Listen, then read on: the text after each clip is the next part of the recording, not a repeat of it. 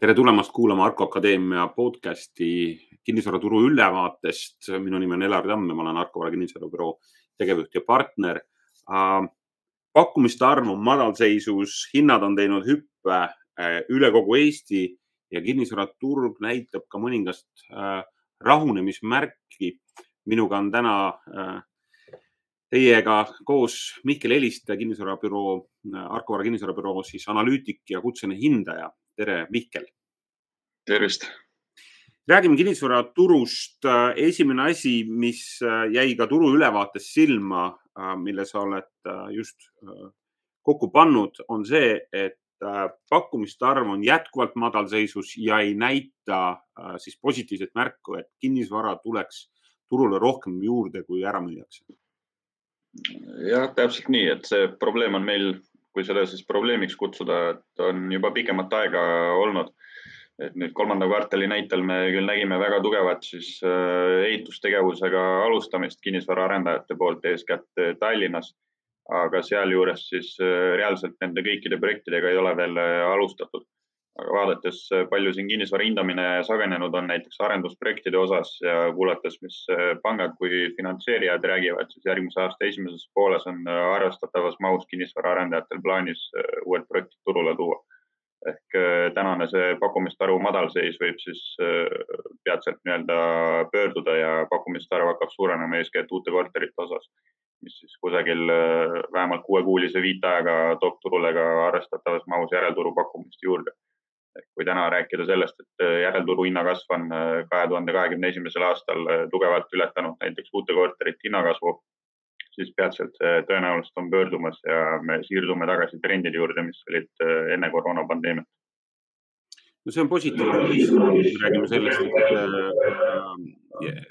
et uue aasta algusest võime, võime siis näha sellist pakkumiste, pakkumiste mahu kasvu. Ähm, läheme tuleme Harjumaa juurde ja Tallinna, tegelikult täpsemalt Tallinna juurde, mis praegu, äh, mida sa oma töös ära tõid, kokku pannes äh, kinnisvaraturu ülevaadet, mis on Tallinna äh, seis hetkel tehingu vaates siis?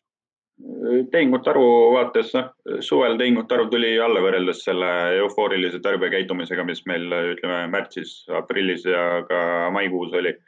et äh, osaliselt see oli hooajaline, ehk siis me iga-aastaselt näeme seda, et nii kui ilmad lähevad soojaks, inimestel hakkab puhkuseperiood, siis selline elamispinna ostmise intriig korraks läheb tahaplaanile. Ja lisaks see aasta siis oli asjaolu, kus sellel samal kevadisel perioodil väga paljud meelelahutusasutused olid kinni nende koroonapiirangute tõttu. ja suve alguses siis neid piiranguid leevendati ja kuni inimesed ei olnud saanud ennast äh, nii-öelda välja elada suhteliselt pikka aega, siis samamoodi kinnisvaraturul avaldas kohest mõju. et samas, kui me nüüd sügisel vaatame, mis tehingute arv teinud on, siis äh, juba septembris me nägime väga tugevat äh, hooajalist kasvu jälle. Eks üle-eestiliselt ligi kahekümne protsendi võrra hakkas tehingute arv suurenema võrreldes suvekuudega ja hetkel siis oktoobri lõpu seisuga paistab, et me oleme enam-vähem sama aktiivse kinnisvaraturu juures Tallinnas nagu aasta aega tagasi eks tehingute arv on äh, jätkuvalt üle pikaajalise keskmise, et äh, meil tehakse rohkem tehinguid kui näiteks kaks tuhat üheksateist.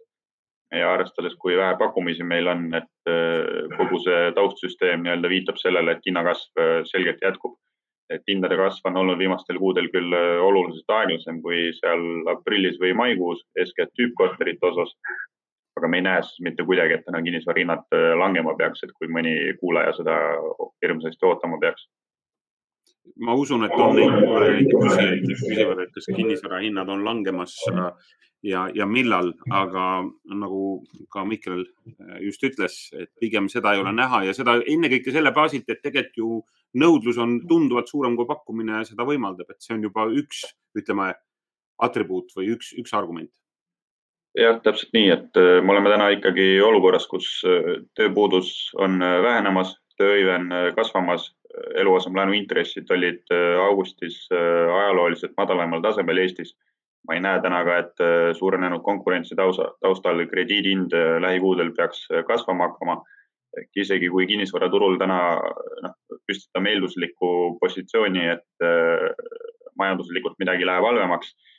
mis peaks siis ka kajastuma kinnisvaraturul, sest ma arvan, Eesti kohalikud krediidiasutused on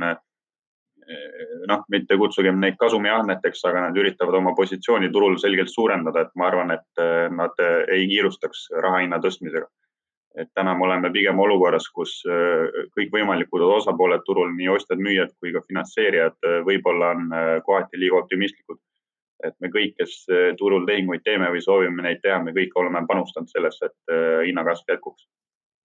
just. kui korterituru kõrval vaadata näiteks elamuturu statistikat, siis äh, nagu sa ütled äh, turu ülevaates, siis nägime septembri vältel juba mõningast turuaktiivsuse langust või alanemist. Mis sellega toimub? miks nii? elamuturu seal samamoodi, ütleme, pakkumine on nii õhuke üle-eestiliselt ja kuna sellist uusarendust jaksavad väga vähesed äh, osta ja kuna ehitushinnad see aasta on siis teadupoolest väga tugevalt äh, tõusnud, siis seal lihtsalt äh, olemasolev pakkumine ei suuda seda nõudlust enam rahuldada. Et enamikes piirkondades Eestis me oleme eelmise ja selle aasta vältel näinud kogu selle kasvutsükli vältel siis kõige aktiivsemat elamuturgu. Ja arvestades siis demograafilisi tegureid, mis tähendab siis seda, et eeskätt laulva revolutsiooni perioodil sündinud Äh, nii-öelda tarbijaskond siirdub täna korteriturult üksikelamute turule ja võib eeldada, et see trend jätkub ka veel, ütleme siin äh, väga aktiivselt vähemalt äh, kolm aastat, võib-olla isegi rohkem, kuna ka korteriturul me siis tegelikkuses ootasime sellist tehingu, tehingute arvu langust või siis edasise kasvu vaibumist juba kusagil aastast kaks tuhat seitseteist. me ei ole seda tänaseni tegelikkuses näinud, ehk siis me võime neid demograafilisi tegureid nii üle kui ka alahinnata et see on suhteliselt niisugune pikk protsess ja konkreetseid arvutusi sealt teha, et äh, palju tehingute arv nüüd iga aasta olema peaks, on äh, sisuliselt äh, võimatu. Aga üldplaanis jah, ma prognoosiks elamuturul üle-eestiliselt väga positiivse turusituatsiooni jätkumist nii järgmine kui ka ülejärgmine aasta. Maakleritelt ongi tagasiside olnud, et mis seal salata, et ei ole midagi pakkuda, et rääkisin siin ühe Viljandi maakleriga, kes, kes muidu ütles, et alati oli mõne metsatuka sees üks, üks lagunev talu saada ja, ja kusagil oli ka Viljandi sees olid mõned võib-olla kuuekümnendate, seitsmekümnendate tüüpi sihuke Antsu stiilis äh, eramud. täna ei ole kahjuks midagi saada ja kui on, siis, siis loomulikult sellise hinnaga, mis siis, mis siis tegelikult läheb ka kaubaks, et me võime öelda ühelt poolt, et ta on väga kõrge, aga teiselt poolt meil ju jätkuvalt nendele, nendele vanadele talu äh, urtsikutele leidub ostjaid jah, täpselt nii, et ma üks päev äh, viiteajaks vaatasin äh, kurvastusega, et äh, kuidas mu nii-öelda kinnisvara flipitud projektidel on peale seda läinud, kui ma need ära olen müünud. siis ma olen aru saanud, et kui ma ei oleks need ära müünud ja täna tööd ei oleks teinud mitu aastat, siis ma tõenäoliselt oleksin jõukam, kui siis ma need ära müüsin, onju. aga noh, kes seda ette teab, et. absoluutselt. et selles suhtes ja Eesti väikelinnades sellised nii-öelda heas, kuni heas rahuldavas seisukorras üksikelamud maksid siin veel kaks tuhat seitseteist näiteks kusagil seitsekümmend, seitsekümmend viis tuhat keskeltläbi nii Rakveres, Viljandis kui Haapsalus. et needsamad üksikelamud maksavad sada kolmkümmend tuhat. et see hinnakasv ületab selgelt nende väikelinnade ostjaskonna palgakasvu kui ka nende säästude kasvu tõenäoliselt, et et see, et meil siin selle aasta sügisel tuli see teise pensionisamba raha vabastamine, et see on nii-öelda ajutine leevendus olnud väga paljude jaoks, et äh, seda nii-öelda sissemaksuraha korraks suurendada. ja seda me oleme ka siis turul selgelt näinud väikelinnade osas äh, viimaste nädalate jooksul, et kui seal turuväärtus paberi peal täis ei tule, et meil jääb kusagil viis tuhat eurot puudu, siis hetkel tundub, et see ei ole nagu enam küsimus, et see raha kuskilt leitakse, et et ma ei ole inimesi küll nii-öelda küsitlema hakanud, et kust te raha saite, aga võib eeldada, et äh, selle päritolu tõenäoliselt on äh, mingisugune pensionisammas või mingid muud investeeringud, mis on suhteliselt likviidsed, siis äh, kähkurahaks suudetud teha. Seda on küll ja turult, et, et klientidel likviidset vara või, või sularaha on ja, ja otsitakse. hiljuti kohtusin ühe kliendiga, kes ütles, et Elari, mul on kuuskümmend tuhat, mis ma sellega teen, kuhu, kuhu kinnisvarasse ma selle võiksin panna, et, et kas mingi maatükk, kas, kas, kas ükskõik mis äh, milline, milline, milline vara või ütleme, kinnisvara, mis, mis siis võiks natuke siis seda väärtust hoida paremini kui see raha ise, kui inflatsioon ta ära sööb. võib-olla jõuamegi sinna, et äh, maad, äh, siis äh, maa hind üle Eesti mis, mis sellega toimub? kui me elamumaast räägime, siis seda mõjutavad põhimõtteliselt needsamad tegurid, mis mõjutavad üksikelamute turgu. et me oleme alates koroonapandeemia algusest näinud seda, et kinnisvaraarendajad on hakanud eelmise buumiaegseid nii-öelda põllupealseid arendusi taaselustama. eks need on hakatud ühest ettevõttest teise tõstma, mis periooditi on tehingute arvu väga kõrgeks meil ajanud. et näiteks siin selle aasta teises kvartalis meil üle-eestiliselt tehti üle seitsmesaja hoonestamata elamumaa tehingu. nüüd kolmandas kvartalis me rääkisime kusagil natuke üle kolmesaja ühikust. et selles suhtes selline väga volatiilne turg iseloomustab seda, et arendajatel on üsna suured plaanid, et pakkumist lähitulevikus suurendada. et üksikelamute arenduseks sobilike maade turu, ütleme, kui me seda spekulatiivsest positsioonist vaatame, siis äh, seda on oluliselt keerulisem täna teostada kui nii-öelda aastatel kaks tuhat viis, kuus või seitse, kuna see finantseerimise pool on äh, pigem halvenenud, et äh, me räägime seal projektides üsna suurest omakapitali mahust, mis tähendab seda, et need arendajad tahavad ka oluliselt rohkem kasumit teenida. aga arvestades neid samu demograafilisi tegureid, siis hoonestamata elamumaade turusituatsioon peaks suhteliselt positiivne püsima lähiaastatel ja seda siis Tallinnast tõenäoliselt ka järjest kaugemates piirkondades, kuna inimesed üritavad äh, leida järjest odavamat kinnisvara ja nad on seetõttu nõus kolima suurematest keskustest eemale. et äh, selles suhtes eelmise aasta, ütleme kevades kuni selle aasta sügiseni, siis äh, väga paljudes väikelinnades, kasvõi Eestis, hoonestamata elamumaa hinnakasv on olnud väga kiire me räägime siin teatud elurajoonides eh, mikroasukoha baasil seal sajast või rohkemast protsendist aastas.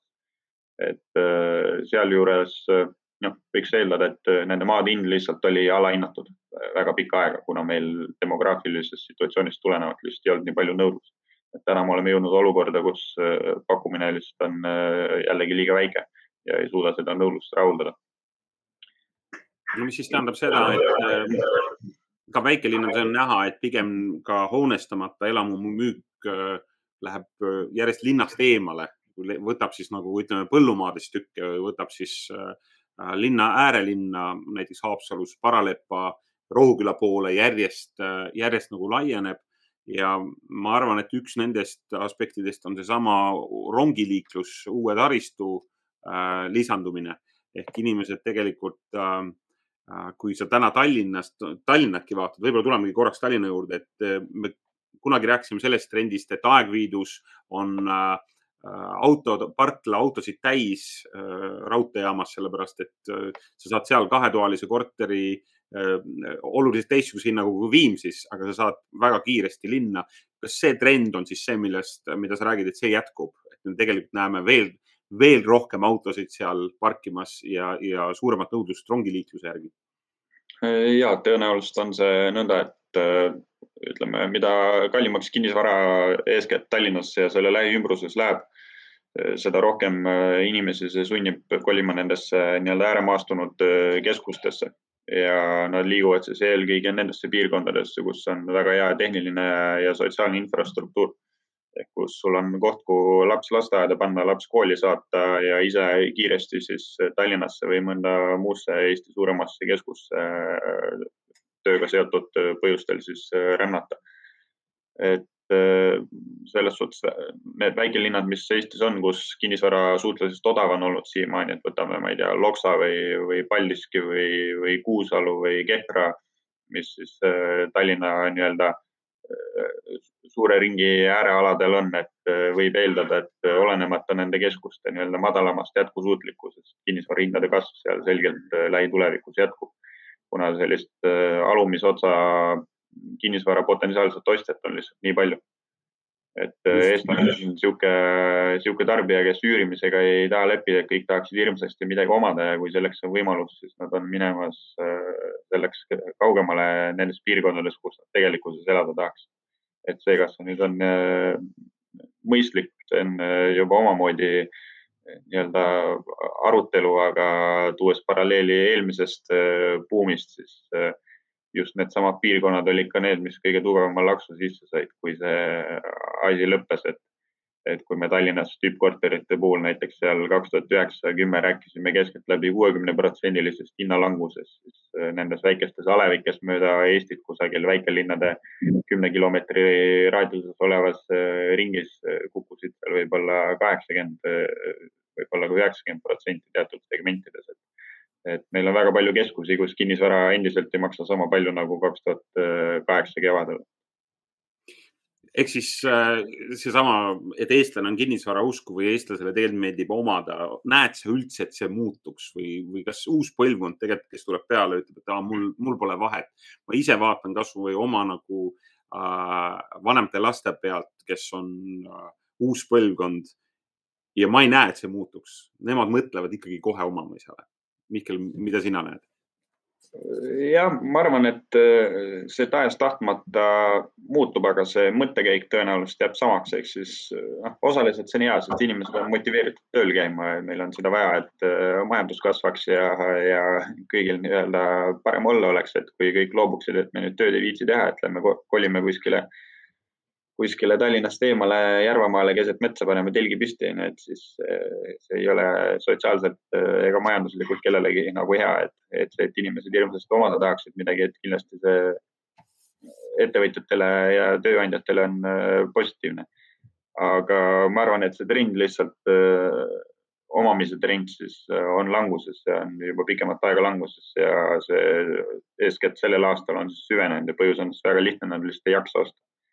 et sa sellest emotsioonist, et sa tahaksid midagi soetada, sellest on vähe abi, kui sul ostujõudu ei ole.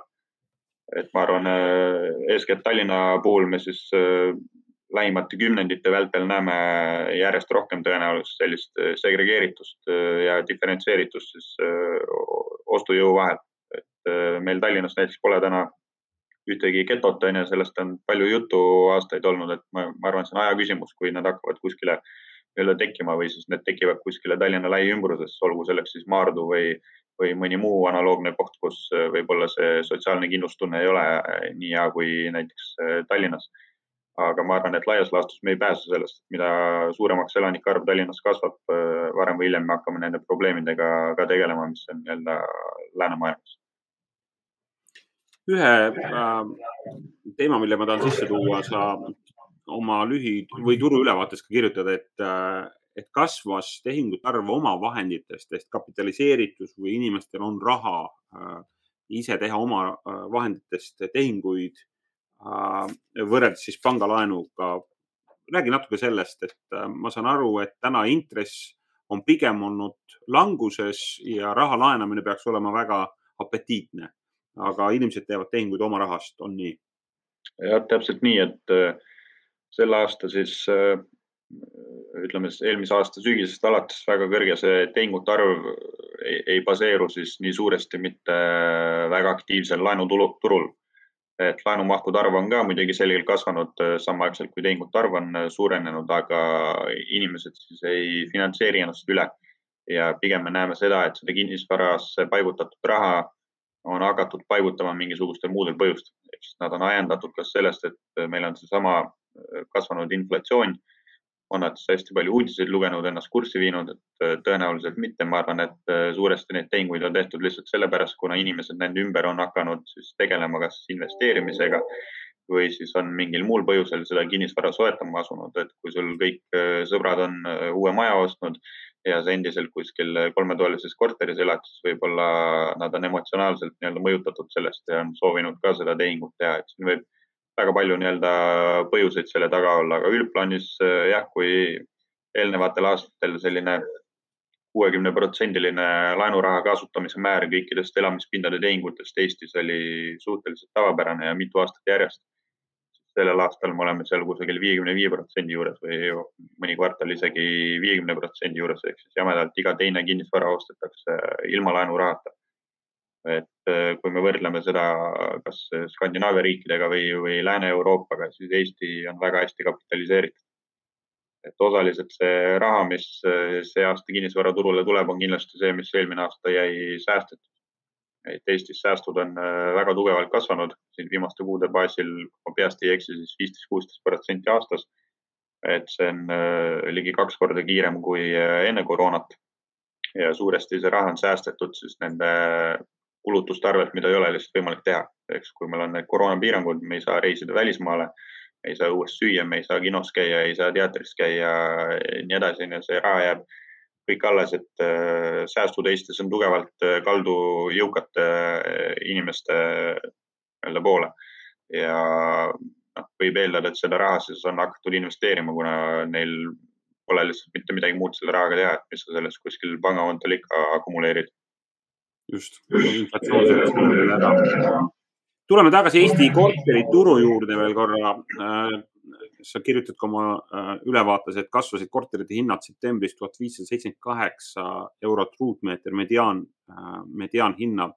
taustal. sa oled välja toonud ka suurimad hinnakasvatajad siis uute korterite eestvedamisel, et võib-olla vaataks korraks need ka üle, et mis linnad need siis täna kõige kiiremini on kasvanud ja üllatus-üllatus, ma selle esimese nimetan ise ära, et Pärnu äh, linnas pluss kolmkümmend kaks protsenti. Äh, ma saan aru, et igal pool Eestis on tegelikult äh, korterite hinnad tõusnud. jah, loomulikult, et ma, ma ei oska ise ilma nii-öelda igat administratiivüksust eraldiseisvalt käsitledes kuidagi väita, et kinnisvarahinnad sel aastal kuskil Eesti piirkonnas langenud oleks ma arvan, need on igal pool äh, tõusnud, kus rohkem, kus vähem. et mis Pärnu seda kolmekümne kahe protsendilist kasvu puudutab, siis see oli, igaks juhuks täpsustaks kellegi jaoks, et oli septembris, mitte äh, kolmandas kvartalis. jah, et äh, jah, igakuiselt väikelinnades hinnastatistika on suhteliselt volatiilne, aga selle konkreetse kuu näitel siis sinna kasvu panustasid eeskätt uued korterid ja Pärnus siis uute korterite müük on olnud see aasta oluliselt väiksem kui möödunud aastal arvestades, et siis ehitusaktiivsus on taas kasvama hakanud, siis äh, nii järgmiseks kui ülejärgmiseks aastaks võib äh, prognoosida statistiliselt siis suhteliselt tempoka hinnakasvu jätkumist. et kui me üldiselt vaatame uusi kortereid ja järelturu kortereid Eestis, kas siis äh, olgu selleks keskuseks Tallinn, Tartu või Pärnu, siis sellel aastal sellesama pakkumiste vähesuse tõttu me esimesel poolaastal eeskätt nägime seda, et järelturu linnade kasv oli kiirem kui uute korterite puhul ja nüüd me siis oleme nägemas olukorda, kus järelturul hinnakasv on äh, aeglustunud ja tõenäoliselt jätkab äh, aeglustumist, aga samal ajal siis äh, uute korterite hinnad lähevad eest ära. ja põhiline põhjus selle taga on siis ehitushindade kasv. aga seda sa näed nüüd sellisel viisil, et igal pool järelturg pigem hinnakasv, kasv pigem aeglustub ja, ja uus hin-, uued korterid siis kasvavad pigem ja et äh, me tõenäoliselt näeme eeskätt järgmine aasta seda, kus hinnadiferents uue ja vana vahel läheb jälle suuremaks, kuna inimesed, kes midagi osta tahavad, neil tekib taas valikuvõimalus. et kas ta ostab uue või ta ostab vana. et täna meil on see, et kui sa tahad uut osta, siis see valmis saab kas järgmise aasta sügisel või kaks tuhat kakskümmend kolm kevadel. Et kui sul on kohe elamispinda vaja, siis sa pead järelturuga leppima ja see on siis tinginud ka järelturu kiirema hinnakasvu see aasta. okei okay Äh, Tallinnas septembris kaheksa koma üheksa protsenti hinnatõus, Tartus kuus koma kolm.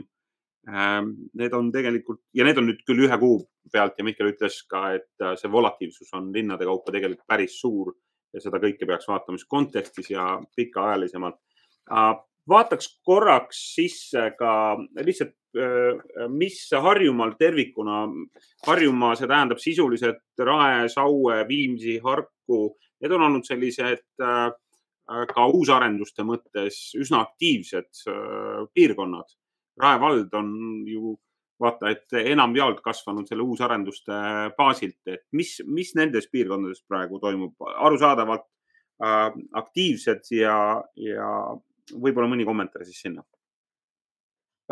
Tallinna lähiümbrus on olnud viimastel kuudel analoogselt nii-öelda suhteliselt aktiivne nagu Tallinn aga kuna ehitusaktiivsus siis äh, juba enne koroonat oli teatud piirkondades äh, vähenenud, siis me ei ole näiteks viimaste kuude vältel näinud väga kõrget uute korterite tehingute arvu Tallinna lähiümbruses. et kui siin äh, ütleme alates kusagil juunist kuni septembrini see uute korterite tehingute arv Tallinna lähiümbruse piirkondades on olnud keskeltläbi seal kusagil viiekümne ühiku juures. Siis näiteks kaks tuhat kakskümmend neljandas kvartalis oli seal keskeltläbi saja kahekümne juures. et need on siis lihtsalt asjaõigustehingud, mida tagantjärgi realiseeritakse, et täna meil ehitusaktiivsus on taas kasvamas ja võib eeldada, et siis nii järgmine kui ülejärgmine aasta uute korterite tehingute arv Tallinna lähimurus on tõenäoliselt suurem, kui praegu viimastel kuudel on olnud. Ja kuna Tallinnas äh, kinnisvarade hinnakasv on kiirenenud, siis äh, ma jällegi prognoosiks Tallinna lähiümbrusele väga positiivset turusituatsiooni nii järgmiseks kui ka tõenäoliselt ülejärgmiseks aastaks. ehk siis tarbijad äh, siirduvad pealinnast väljapoole eeskätt siis odavama kinnisvara tõttu no see on, see on positiivne tõepoolest ja see läheb ka kokku tegelikult kogu selle, selle teemaga, mis me rääkisime, et Aegviidu või, või Kehra või, või siis ka, kui rong peaks jõudma Haapsalusse, et nende piirkondade siis selline prognoos on pigem äh, hea, et, äh, et odavamat kinnisvara tegelikult on jätkuvalt äh, nendes piirkondades. mis puudutab Tartut, vaataks põgusalt ka Tartu kinnisvaraturgu, mis, mis on toimunud kuivõrd erineb ta tegelikult muust, äh, muust piirkonnast Eestis, muudest piirkondadest? kui Tartut võrrelda näiteks Tallinnaga, siis koroonakriisi,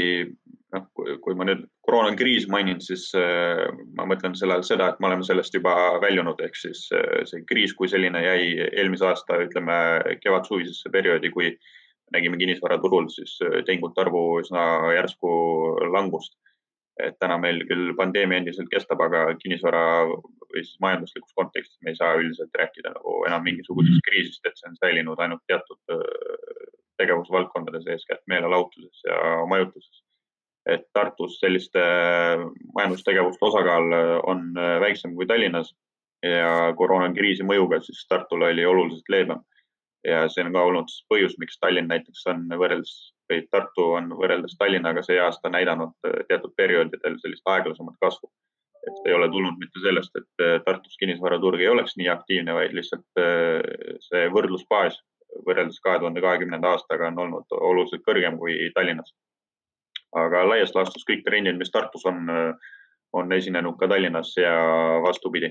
et mõlemas linnas me ootame üsna tugevat ehitusaktiivsuse kasvu lähiajal mis viib siis uute korterite pakkumiste arvu suurenemiseni ja see pakkumiste arvu madalseis on omane nii Tallinnale kui Tartule. ja ka hinnakasvu tempod äh, mõlemas linnas on olnud selle aasta vältel siis suhteliselt analoogsed, et äh, oleme tüüppkorterite turul äh, laias laastus rääkinud aastasest hinnakasvust seal kakskümmend kuni kakskümmend viis protsenti. ja see jäi siis suures osas aasta esimesse poolde, kus siis kolmandas kvartalis kasv on selgelt aeglustunud ja eks nüüd paistab, mis äh, neljandas kvartalis äh, saab. tõenäoliselt hinnakasv jälle kiireneb, äh, mis osaliselt ongi looajaline, kuna iga aasta sügisesel perioodil tehingute arvu kasv on siis täiesti tavapärane. ja ma arvan, et võib-olla kõige eufoorilisem periood jällegi see aasta tuleb napilt enne jõule. et iga aasta me siis kinnisvarateenuste pakkumise juures näeme seda, et inimestel on mingisugune eriline soov jõuludeks uude koju saada kas äh, neid naised kodus survestavad või on selleks mingisugune põhjus, aga see kindlasti tuleb ka see aasta, et detsember iga-aastaselt on äh, üks kõrgema, kui mitte kõige kõrgema tehingute arvuga kuu. ja peale seda siis äh, jaanuar-veebruar hooajaliselt on oluliselt madalama aktiivsusega. et tänane see väga madal pakkumiste arvu olukord võib viia veel üsna järsu hinnakasvu kiirenemiseni selle aasta lõpus nagu sa ütled ka ise, et tavatarbijaks tähendab see tänane olukord paraku seda, et käimas on laiapõhjaline hindade kasv ja see jätkub ka veel lähikvartalitel. no see kindlasti ei ole midagi sellist, mida keegi praegu võib-olla hirmsalt kuulda tahab. sest keegi ei tahaks osta hirmust, et hinnad tõusevad, peab kähku ära ostma. ma usun, et kui me räägime Mihkliga kinnisvara ostmisest kodu Äh, soetamise eesmärgil, siis kodu tuleb osta siis, kui kodu on vaja ja kodu ostmiseks on võimalused. Äh, kui me räägiks praegu investeerimise eesmärgist, siis see on oluliselt komplitseeritum, millal on õige aeg, nii nagu Mihkel ennem ütles, et kui, kui oleks teadnud, võib-olla oleks mõnda kinnisvara kauem käes hoidnud ja, ja siis võtnud kasumi hiljem, aga see on nüüd hoopis teine filosoofia, et me oleme täna keskendunud siis pigem äh, kodu vaates kinnisvaraturule ja, ja rääkinud nagu sellest. nii et äh, me oleme katnud, ütleme siis nagu suures pildis äh, Eestit mingite trendidega, pakkumiste madalseisust rääkisime, rääkisime sellest, et, et äh, Mihkel tõi välja selle võimaliku ka välja, väljapääsu või, või ütleme siis järgmise kuue kuu äh, seisu, mis võiks aidata siis või mis, mida Mihkel tõi välja, et on äh, uusi arendusi tuleb ehk nii palju peale, et see toob äh, ka pakkumisi juurde. hinnad on teinud igal pool hüppe ja võtsime kokku selle, et see kasv on ka jätkuv äh, lähikvartalitel ja tegelikult äh, saigi, saigi kõik. Mihkel, kas sul midagi tahad veel lisada äh,? jah, ma korra seda viimast osa võib-olla täpsustaks, et, et hindade kasv küll jätkub, aga ma ei prognoosi turuaktiivsuse jätkuvat tõusu. ehk äh, ma olen pigem äh, positsioonil, et tänane turusituatsioon on selline, kus äh, meil tehingute arv on kõvasti üle pikaajalise keskmise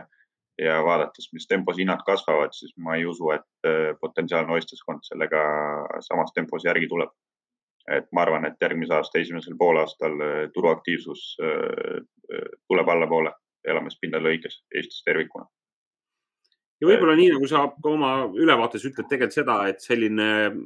selgelt buumiv kinnisvarasektor võib-olla selleks, et ta nüüd meie palgaootuste ja kogu üldise majandusega käiks vähegi sama sammu, vajabki teatud korre, korrelatsiooni ja, ja korrigeerimist jah, et kui meil siin Tallinnas äh, nüüd sügisel jälle tehingute arv, ütleme üle tuhande tehingu siin äh, läheb, et see, seda on liiga palju. ütleme nii, et me, meile pikaajalises mõõtmes oleks oluliselt parem, kui see tuleks kusagil seitsmesaja viiekümne kuni kaheksasaja viiekümne tehingu baasile kuus et see tingiks aeglasema hinnakasvu, tingiks äh, kinnisvarabüroodele stabiilsema käibe, äh, kinnisvaraarendajatele stabiilsema käibe, parema väljavaate sellest, mis äh, tulevikus oodata võib, et, et selline lühiajaline väga kiire kasv ei, ei ole hea, et ei kinnisvaraturul ega muude varaklasside või turgude lõikes. et võib-olla mõned näited lihtsalt, et mis elamispindade turul täna toimub, et kui me näiteks kaks tuhat üheksateist esimest poolaastat vaatame, kus siis mitte mingisugust koroonapandeemia mõju ei olnud, ükski eestlane mingisugusest äh, koroonaviirusest mitte midagi veel kuulnud ei olnud. et sellel perioodil siis äh, skp nominaalkasv meil Eestis oli kaheksa koma kuus protsenti.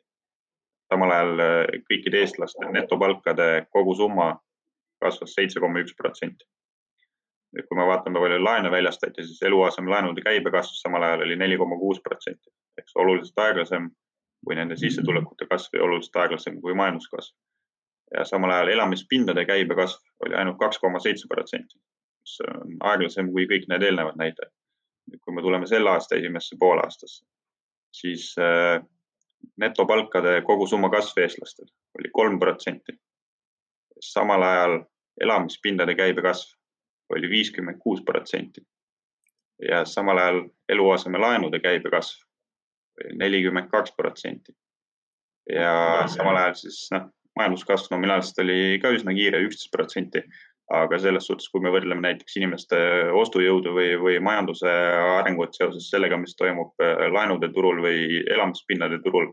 siis me oleme nagu selgelt äh, maha jäänud mingisuguses segmendis, et äh, see, see ei ole jätkusuutlik, et et see asi võiks nagu kiiremas korras äh, maha rahuneda, et eks meil siin majanduses tervikuna on igasugu tasakaalustamatusi see aasta olnud, et tänaseks on see jõudnud nii-öelda energiahindades, äh, kohe varsti jõuab toidukaupade hindadesse, kuna puuvilja hind on tugevalt kasvanud, siis varsti on see ka rõivastes onju, et see nii-öelda jama kestab siin veel eh, tükk aega ja kui veel uued piirangud peaksid ka globaalselt igal pool tulema, mis mingisuguseid tarneahelaid jälle mõjutama hakkavad, siis eh, ka järgmine aasta on veel väga kiire inflatsioon, et et eh, eks paistab, mis saab, et selliste pikaajaliste prognooside tegemine täna on suhteliselt keeruline, et see on ainult paari nädala küsimus, kui mingisugune uus probleem, mida keegi kas ei ole tähele otseselt pannud või millest keegi rääkida ei ole väga tahtnud, et äkki läheb niimoodi, et seda ei teki, onju, aga siis ikkagi tekib, et et selline suhteliselt ärev olukord on, et äh, investorid hirmsasti ootavad, mis äh, keskpangad äh, ülemaailmselt teevad, et mõned on juba intressimäärasid tõstma hakanud. Euroopa sinna ei taha veel midagi tõsta, et eks paistab, kas, kas keegi nii-öelda eksib või ei eksi ja mis see varahindadega teeb ja mis siis saab, kui neid intresse lõpuks tõstma hakatakse. et eks, eks paistab, aga täna nagu lihtsalt rahas istuda ma ei soovitaks siiski, kui keegi investeerimise peale mõtleb selline kainestav äh, viis minutit siia lõppu. ma olen Mihkliga täielikult nõus, ma arvan, et igasugune buum ja ülekeemine tavaliselt lõpeb äh, sellega, et keeduvesi saab otsa äh, ja sellepärast ongi vaja nagu õppida vett juurde lisama, et, et me saaksime, majandus toimiks. see oli turu, kinnisvaraturu ülevaade. Mihkel Eliste, Arko Vara kinnisvarabüroo analüütik ja kutseline hindaja hindajatel on täna käed-jalad tööd täis, nii et Mihkel, äh, ma usun, et sinugi päev on täna täis äh, objekte ja, ja ka, ka äh, hinnasta, hinnastamist ja, ja eksperthinnangute siis valmis kirjutamist. jah, täpselt nii, hindamisteenusel tõenäoliselt läheb paremini kui, kui kogu selle kasvutsükli vältel kokku, et praegu omakorda seda teenust hinnakasvu ja järjekordade pikenemist on võimendanud see, et paljud hindajad peavad nii-öelda eksamile minema, et täpselt samamoodi, et samasugused probleemid nagu majanduses tervikuna on, on ka kinnisvara hindamise sektoris, et teatud inimesi lihtsalt ei ole. ja sellist uh, uut värbamist kiirelt teha selles sektoris ei ole võimalik, nagu kõik teavad, et uh, tänavalt kinnisvara hindajaid korjata ei saa. otse koolipingist ka mitte, et kogu see protsess võtab aega ja ja selles suhtes selles sektoris täna olla ise on, on väga hea, et, et ei saa loomulikult kurta, et kinnisvaraturul üldiselt äh, läheb teadupoolest väga positiivselt, et see puudutab kõiki tegevusvaldkondi, et olgu selleks siis kinnisvara haldus või hooldus või hindamine või vahendusteenused. et kes täna nagu turul hakkama ei saa, et siis peaks nagu elu üle järele mõtlema et selles suhtes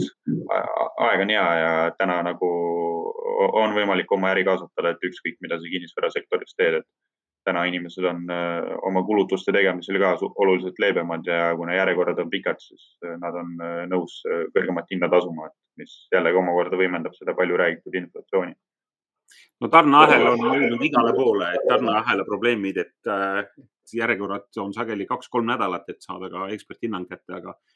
aga selline on turg ja ma arvan, et selle võib kokku võtta sellega, et inimene on selles mõttes äh, väga unikaalne, ta on loodud olema paindlik ja eks seda paindlikkust praegu me siin harjutame. Äh, nagu Mihkel ütles, mõnda uudist arvad, et ei tule, aga siis kahe nädala pärast tuleb, nii et sellise paindlikkuse meeleolus me siis võtame selle, selle podcast'i kokku ja soovime kõigile vaatajatele, kuulajatele edukat siis kinnisvara nii investeerimist kui kodu ostmist ja kui vajate täna hindamist, siis paraku tuleb oodata äh, või, või arvestada väikese viivitusega. aga kindlasti kõik tööd saavad tehtud ja, ja kui teil on küsimusi, siis äh, saatke kas otse Mihklile või ka selle siis video alla ja me vastame teile. aitäh